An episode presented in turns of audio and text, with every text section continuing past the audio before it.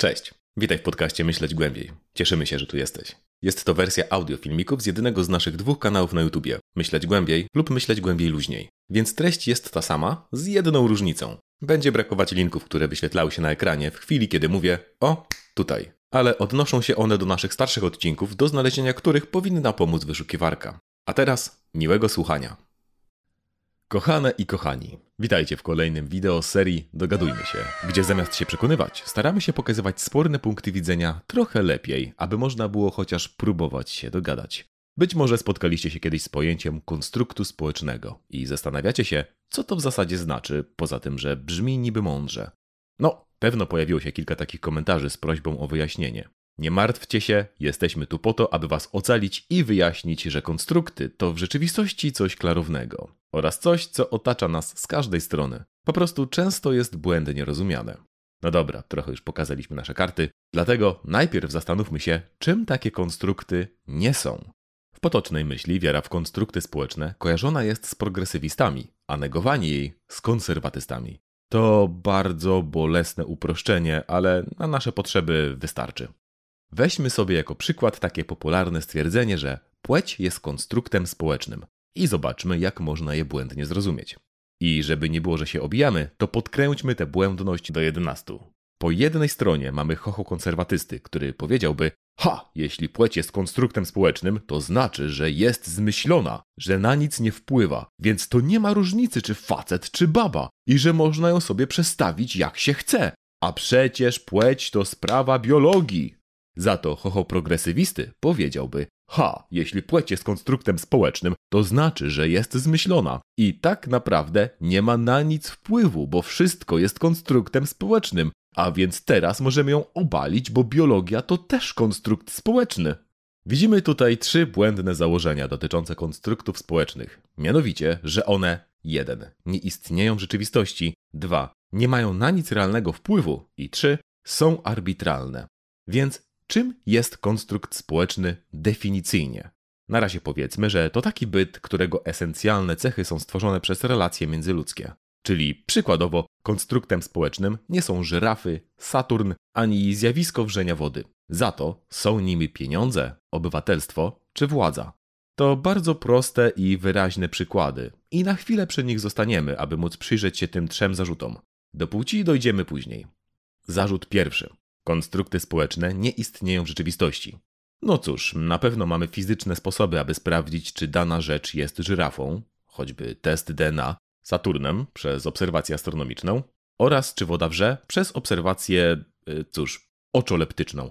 Te sposoby dadzą nam jednoznaczny rezultat, niezależnie od naszego osądu, bo wszystkie te trzy rzeczy mają materialną podstawę, która jest względnie niezależna od obserwatora. Natomiast nie możemy przeprowadzić analizy chemicznej, która pokaże nam wartość pieniądza, bo ta wartość jest umowna. Nawet gdybyśmy korzystali ze złotych cebul, to moglibyśmy sprawdzić tylko zawartość złota w nich, a nie to, ile są warte. Bo znów wartość złota zależy od ustaleń pomiędzy ludźmi, czyli relacji społecznych. Podobnie nie możemy przeprowadzić genetycznego testu na obywatelstwo, ani zmierzyć, ile dany człowiek ma władzy w ciele i stwierdzić, o, ten to będzie burmistrz, a tamten to ani chybi monarcha. Czyli co? Skoro nie potrafimy zmierzyć tych cech w sposób materialny, to czy to znaczy, że nie istnieją w rzeczywistości? No, nie do końca, bo wszystko zależy od tego, jak zdefiniujemy rzeczywistość. O tym powiemy zaraz. Ale na pewno możemy stwierdzić, że ich istnienie jest zmienne. Przykładowo, gdybyśmy rozbili się na bezludnej wyspie, to te rzeczy w pewnym sensie by zniknęły, bo ich esencjalne cechy zależą od relacji międzyludzkich. Nie ma relacji, nie ma cech. Okej, okay, jak to wiemy, to teraz już będzie z górki. O, rzeczywiście! Zarzut drugi. Konstrukty społeczne nie mają na nic realnego wpływu. No to też jest jasne. Żyrafa możecie kopnąć, gotująca woda możecie poparzyć, a Saturn może e, wejść w kwadraturę z Marsem w kosiorożcu i załamać rynek kryptowalut. No, sorry, ale to i tak jeden z najbardziej naukowych sposobów badania rynku krypto. No dobra, dobra, możemy wysłać w stronę Saturna sondę i wykorzystać jego przyciąganie, aby przyspieszyć sondę przy pomocy tzw. Tak asysty grawitacyjnej. Okej, okay. a co z konstruktami? Pieniądze mają, no, duży wpływ na rzeczywistość. Pozornie tylko na rzeczywistość społeczną, bo przecież pieniądze, nie wiem, nie zmienią biegu rzeki. Ale mając ich wystarczająco dużo, możemy wynająć koparki, które wykopią nam nowe koryto. Podobnie obywatelstwo jest nam obojętne, dopóki nie zalegamy z podatkami albo chcemy przejść przez granicę z krajem spoza strefy Schengen. Wreszcie władza ma chyba największy wpływ, bo po prostu powoduje, że inni ludzie realizują naszą wolę. I wtedy możemy przebudować koryto rzeki, nawet nie płacąc za te koparki. Zarzut trzeci: konstrukty są arbitralne. No wiadomo, żyrafa to żyrafa, Saturn to Saturn, a woda albo wrze, albo nie wrze, w tych samych warunkach, w tej samej temperaturze. Nie ma tu za wiele możliwości zmiany. A w przypadku konstruktów? No, kurde, też nie ma. Nie możemy sobie tak po prostu zdecydować, ile mamy pieniędzy. Podobnie jak nie możemy sobie wpisać nowego obywatelstwa, ani też stwierdzić, okej, okay, od dzisiaj jestem królem tego świata, więc klękajcie narody. Tylko teraz, żeby było jasne, rzeczy z tej drugiej kategorii można zmienić nadal o wiele łatwiej niż żyrafę czy Saturna, ale zmiana odbywa się zawsze według ustalonych społecznych reguł, a nie z czyjegoś widzimisię. Przykładowo, kodeks ruchu drogowego jest konstruktem społecznym, ale zawsze możemy jednoznacznie ustalić, jakie zachowania na drodze są prawidłowe, a jakie nie. Więc stwierdzenie, że skoro X jest konstruktem społecznym, to nie jest prawdziwe, ma tyle samo sensu, co skoro pieniądze są konstruktem społecznym, to nie ma ludzi biednych. Okej, okay, to wyjaśniliśmy sobie, jak nie rozumieć konstruktów społecznych i pokazaliśmy, że ten diabeł wcale nie jest taki straszny, jak go e, konstruują. I teraz możesz się zastanowić, ej, to wszystko brzmiało dość zdroworozsądkowo, a czy te konstrukty nie powinny być bardziej, no, poleciane? Ano, nie. A to dlatego, że już dawno istniejemy w świecie konstruktywizmu. Ten nurt myślowy pojawił się na początku lat 60. Może teraz powiecie, ale ej, myśleć głębiej, wy coś tutaj kantujecie. Te przykłady konstruktów społecznych są takie oczywiste, bo dotyczą tylko tego, jak jest zorganizowane społeczeństwo, czyli są socjologiczne. A problem z konstruktywizmem polega na tym, że opisuje takie sfery jak rzeczywistość i wiedza, które powinny należeć do sfery filozofii czy nauki. To słuszna uwaga, więc skoro już obaliliśmy błędne sposoby myślenia opierając się na banalnych przykładach, weźmy to co wiemy i odnieśmy je do spraw poważniejszych. Za założycielskie dzieło konstruktywizmu uznaje się książkę Społeczne tworzenie rzeczywistości Petera Bergera i Tomasa Luckmana, która jest książką socjologiczną, a konkretnie z zakresu socjologii wiedzy. Czemu nie filozofii? Bo konstruktywizm jest nurtem przede wszystkim socjologicznym. Owszem, filozofia może wykorzystać wyniki tych badań i korzysta z nich, ale jeśli chcemy zrozumieć, jak sprawy są konstruowane społecznie, musimy zejść z naszego filozoficznego fotela i wyjść do społeczeństwa. Albo prościej będzie wysłać do niego socjologów i poczytać, co zrobili. A ta konkretna dwójka zrobiła książkę o socjologii wiedzy. Dobra, do lektury. Pamiętacie, jak mówiliśmy o tym, że dużo zależy od tego, jak zdefiniujemy sobie rzeczywistość? To zajrzyjmy do książki. Przesada w podkreślaniu wagi myśli teoretycznej w społeczeństwie i historii jest naturalnym błędem tych, którzy teoretyzują. Tym bardziej więc konieczne jest sprostowanie tego nieporozumienia. Teoretyczne ujęcie rzeczywistości, czy będzie to ujęcie naukowe, filozoficzne, czy nawet mitologiczne, nie wyczerpuje tego, co jest rzeczywistością dla członków społeczeństwa. W tej sytuacji socjologia wiedzy musi zająć się przede wszystkim tym, co ludzie znają jako rzeczywistość w ich codziennym, nieteoretycznym lub przedteoretycznym życiu. Innymi słowy, ośrodkiem zainteresowania socjologii wiedzy musi być raczej wiedza zdroworozsądkowa niż idee. To właśnie ta wiedza konstytuuje materiał znaczeń, bez którego nie może istnieć żadne społeczeństwo. Czyli naszą rzeczywistością jest przede wszystkim nasze codzienne doświadczenie, które jest konstruowane społecznie i dopiero działając w obrębie społeczeństwa jesteśmy w stanie wytworzyć takie pojęcia wiedzy czy rzeczywistości. Korzystając z analogii pojedynczej osoby, konstruktywizm badałby budowę i działanie ludzkiego mózgu, pamięci, czy też to, w jaki sposób kondycja psychofizyczna wpływa na zapamiętywanie. Wiecie, takie kwestie fizjologiczne, które były zazwyczaj poniżej godności filozofii, bo były traktowane jak przeszkody w drodze do prawdziwego poznania, podczas gdy w rzeczywistości nie są przeszkodami do niego, a jego mechanizmami. Takie skupienie na hmm, fizjologii poznania niekoniecznie musi wpłynąć na treść tego, co jest poznawane, ale zasiewa ziarno wątpliwości, które może wykiełkować w bardzo różne rzeczy. Bo widzicie, to nie jest tak, że konstrukcjonizm jest jeden. Nawet jeśli założenia są w miarę oczywiste, to konstrukcjonizmy mogą być różne, zarówno w kwestii tego, co konstruują, jak i tego, co z tej konstrukcji wynika. Na oba te pytania odpowiada kanadyjski filozof Ian Hacking w swojej książce Społeczna konstrukcja czego? Spójrzmy na podany przez niego przykład książki Społeczna konstrukcja uchodźczyń. I ten tytuł spokojnie mógłby być użyty jako dowód szaleństwa panującego na zachodnich kampusach uniwersyteckich przez, powiedzmy, jakieś osoby, które lubią wrzucić nagłówek bez kontekstu, aby rozniecić wśród swoich widzów gniew na ten cały kulturowy no-marksizm. W końcu każdy wie, że wojny są zjawiskiem społecznym. Uchodźcy też. Czyli co, mamy teraz zdekonstruować uchodźczynię i już będzie dobrze? A co z prawdziwymi ludźmi w prawdziwych sytuacjach? Tymczasem książka mówi o czymś znacznie łatwiejszym. O tym, jak kanadyjskie praktyki prawne, artykuły w gazetach, okienka na lotniskach, prawnicy, mundury i cała sieć podobnych miejsc, osób i praktyk tworzą pewną ideę uchodźczyni, która wpływa na konkretnie istniejące kobiety uciekające przed wojną czy kataklizmami. A jeśli te kobiety nie dopasują się do niej, to mogą nie otrzymać statusu uchodźcy. Więc może się okazać, że one tak naprawdę nie są uchodźczyniami, a na przykład nielegalnymi imigrantkami. Czyli społeczne konstruowanie w tym kontekście oznacza w zasadzie tyle samo, co w naszych wcześniejszych przykładach z pieniędzmi, władzą czy obywatelstwem.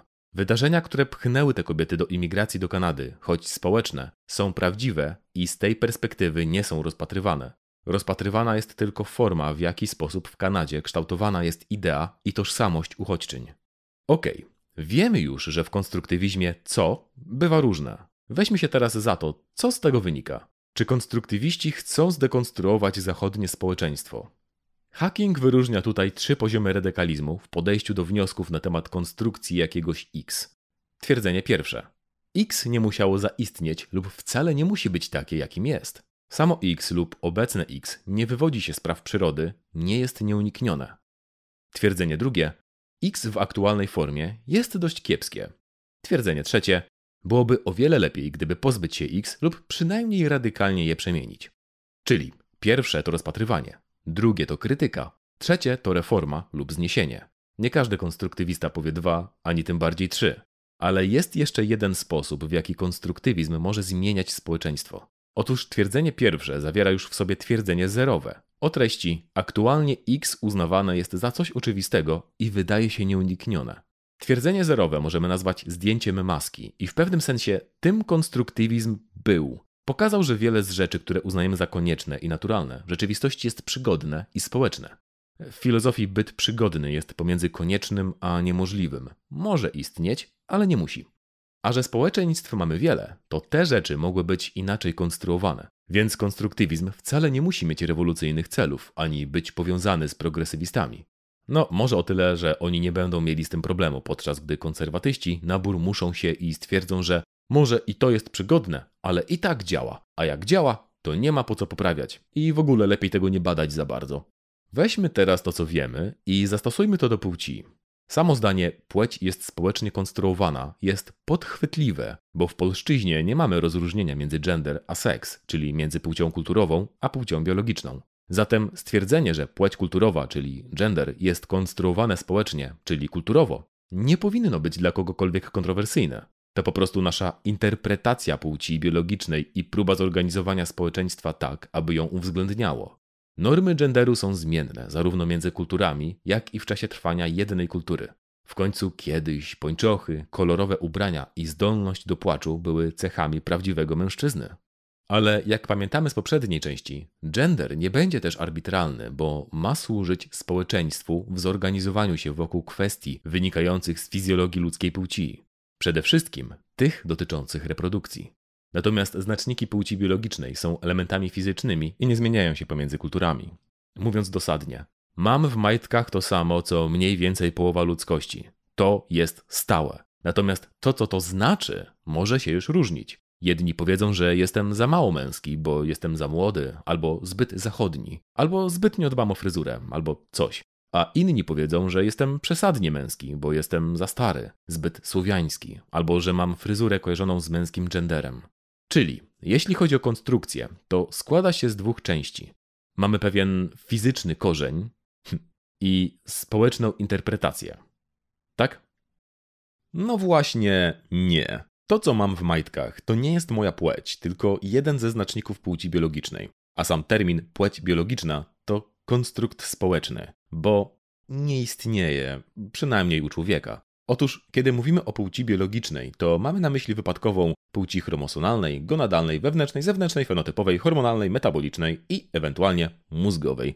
Te płcie zazwyczaj korelują ze sobą, więc pojęcie płeć biologiczna wygodnie je skraca i ułatwia nam funkcjonowanie w świecie. Konkretnie w naszym świecie społecznym, który przykładowo nie uwzględnia różnorodnych trzecich płci, jakie funkcjonują w innych kulturach. Co znów nie jest zaskakujące. Te konstrukty społeczne nie są arbitralne, ale to pokazuje nam, że droga od kulturowej interpretacji do takiego faktu, no, nagiego, jest dłuższa niż nam się wydaje. Czyli z faktu, że mam siurka, niekoniecznie wynika to, że jestem facetem i że 100 lat temu z hakiem tylko moja płeć mogła głosować. Choćby dlatego, że gdybym tego siurka stracił, dalej byłbym facetem i dalej miałbym prawo głosu. Więc nawet jeśli pominiemy kwestię identyfikacji płciowej, transpłciowości czy niebinarności, możemy wejść w sferę interseksu, czyli sytuacji, w której elementy składowe płci biologicznej są wewnętrznie sprzeczne. Osoby interpłciowe to szczególnie ciekawy przypadek. Jest ich względnie niewiele, od 1,5% do ułamków promila, zależnie od definicji, czyli przyjętych przez nas zasad konstruowania tego pojęcia. Ale pokazują one, jak płeć kulturowa potrafi zwrotnie oddziaływać na pojęcie płci biologicznej. Interpłciowemu dziecku przypisywana jest jakaś płeć kulturowa, bo jakąś płeć trzeba mieć. Nie? No, nie trzeba. To jest właśnie ten przygodny element konstruktu. Moglibyśmy mieć choćby którąś z wcześniej wspomnianych trzecich płci, albo opcję braku płci kulturowej, albo możliwość jej zmiany bez konieczności tranzycji. I teraz konserwatyści powiedzieliby, że nie, osoby interpłciowe nic nie zmieniają, bo jest ich zwyczajnie zbyt mało. Kategorie, które mamy, nam wystarczają, a większość nie powinna żyć pod dyktat mniejszości. Natomiast progresywiści powiedzieliby, że skoro nasza teoria nie opisuje całości rzeczywistości, to może nasza teoria maluki? Bo, drodzy konserwatyści, to co mówicie to jak stwierdzenie, że mechanika newtonowska jest wystarczająco dobra, a te wszystkie einsteinowskie względności to zbyt mały element rzeczywistości, aby warto było je badać. A na to konserwatyści mogliby odpowiedzieć, że okej, okay, może i badania są fajne, ale może nie róbmy ich na ogóle społeczeństwa, bo wtedy ryzykujemy zaburzeniem jego stabilności. Na co progresywiści odpowiedzą, że niby gdzie mamy prowadzić eksperymenty społeczne, jak nie w społeczeństwie? W słoiku? Na to konserwatyści też mieliby zapewne odpowiedź, ale tu się zatrzymamy. Szybka uwaga na boku. Wymiana zdań pokazuje to, o czym tak często mówimy, czyli różnicę etyczną między konserwatyzmem a progresywizmem. Czyli, że nie można stwierdzić, że któreś z tych stanowisk jest filozoficznie lepsze. Każde jest lepsze według przyjętych przez siebie norm moralnych. A zatrzymaliśmy się dlatego, że to dobry moment, aby przejść do ostatniego punktu konstruktywizmu, czyli radykalnego konstruktywizmu. On też występuje w różnych odmianach, ale można go sprowadzić do silnego subiektywizmu. Skoro osiągnęliśmy rezultat Y podchodząc z założeniami X, to czy podchodząc z założeniami A nie osiągniemy rezultatu B? Innymi słowy, w wielu przypadkach ten fizyczny korzeń konstruktu nie jest nam dany tak o, na zasadzie koń jaki jest, każdy widzi. Mamy jakieś pojęcie o nim, ale to pojęcie może równie dobrze wynikać z jego cech, jak i z tego, jak te cechy badamy. Hacking cytuje korespondencję z Andrew Pickeringiem, autorem książki Konstruowanie kwarków, niestety niedostępnej po polsku. Nigdy bym nie stwierdził, że konstruowanie kwarków dotyczy idei kwarków. Może ty tak podchodzisz do konstrukcjonizmu w naukach przyrodniczych, ale ja widzę to inaczej. Według mnie, jeśli podejdzie się do świata w konkretny sposób, to można otrzymać pewne fenomeny, które mogą być rozumiane jako dowody na istnienie kwarków. Rzeczywiście są radykalni konstruktywiści, którzy krytykują współczesną naukę za to, że pod płaszczykiem obiektywizmu jest zbyt subiektywistyczna. Najsławniejszym tego przykładem są tak zwane Science Wars wojny o naukę, czyli seria polemik w latach 90., głównie między amerykańskimi a francuskimi teoretykami. Niestety, nawet krótki opis tej sprawy byłby za długi i wymagałby wejścia w hardkorową teorię, więc obalmy po prostu pewne błędy. Z jednej strony to nie jest tak, że nauka stała się skończona i gotowa, kiedy w 1962 roku Thomas Kuhn opublikował Strukturę rewolucji naukowych, czyli chyba najświeższe kanoniczne dzieło z zakresu filozofii nauki. Arogancją byłoby stwierdzić, że zobacz, nasza nauka jest już doskonałym sposobem poznania prawdy. Pozostało nam tylko przeprowadzać badania aż do skutku. Z drugiej strony, podobnie arogancko byłoby stwierdzić, że skoro filozofowie są w stanie wytknąć pewne przygodności naukowcom, to rzeczywiście ta cała nauka jest sprawą o wiele bardziej umowną i subiektywną niż się uważa, i że teraz możemy stworzyć nowy, lepszy program nauki. To taka dość powszechna pułapka, w jaką mogą wpaść początkujący adepci filozofii. Filozoficznie bardzo łatwo wykazać, że pewne zagadnienia w naszym świecie, jak nauka, są o wiele bardziej przygodne, skomplikowane i chaotyczne niż myślimy. Jednak stworzenie nowego spojrzenia na te zagadnienia, które uwzględni naszą krytykę, jest dziesiątki razy trudniejsze i zazwyczaj trwa dziesiątki lat. Jeśli chodzi o wojnę o naukę, w tym miejscu właśnie jesteśmy. Kurz już dawno opadł, opinia publiczna przekierowała uwagę gdzie indziej, a trwa mrówcza robota, głównie pod szyldem dziedziny zwanej Science and Technology Studies, a po naszemu badania nad nauką i techniką, która właśnie wyszła od socjologii wiedzy. Jest to próba przyjrzenia się nauce, zarówno od strony teoretycznej, jak i praktycznej. Czyli przykładowo, wiedza naukowa nie będzie już tylko czymś, co się abstrakcyjnie posiada, a będzie raczej czymś zawartym w sieci praktyki jej tworzenia i przekazywania. Wykładów, doktorantów, badań, bibliotek, czasopism, seminariów, profesor monografii, czy nawet skanowanych PDF-ów na chomiku. Czyli, jak widać, temat fascynujący, ale też skomplikowany, dopóki nie opracujemy metod poruszania się w nim i, na dobrą sprawę, poboczny dla tego wideo. A przynajmniej tak można na to patrzeć, aby dogadywać się trochę lepiej. I jeszcze zanim pójdziecie. Kochani, pamiętajcie o polajkowaniu, poszerowaniu, pokomentowaniu i po subowaniu nas i naszych wideo. Wystarczy tylko jedno kliknięcie, aby algorytm nas lubił trochę bardziej i polecał większej ilości osób, które też będą klikać, abyśmy byli polecani jeszcze większej ilości osób, które, zgadliście, także będą klikać. A wszystko po to, aby cyferki rosły.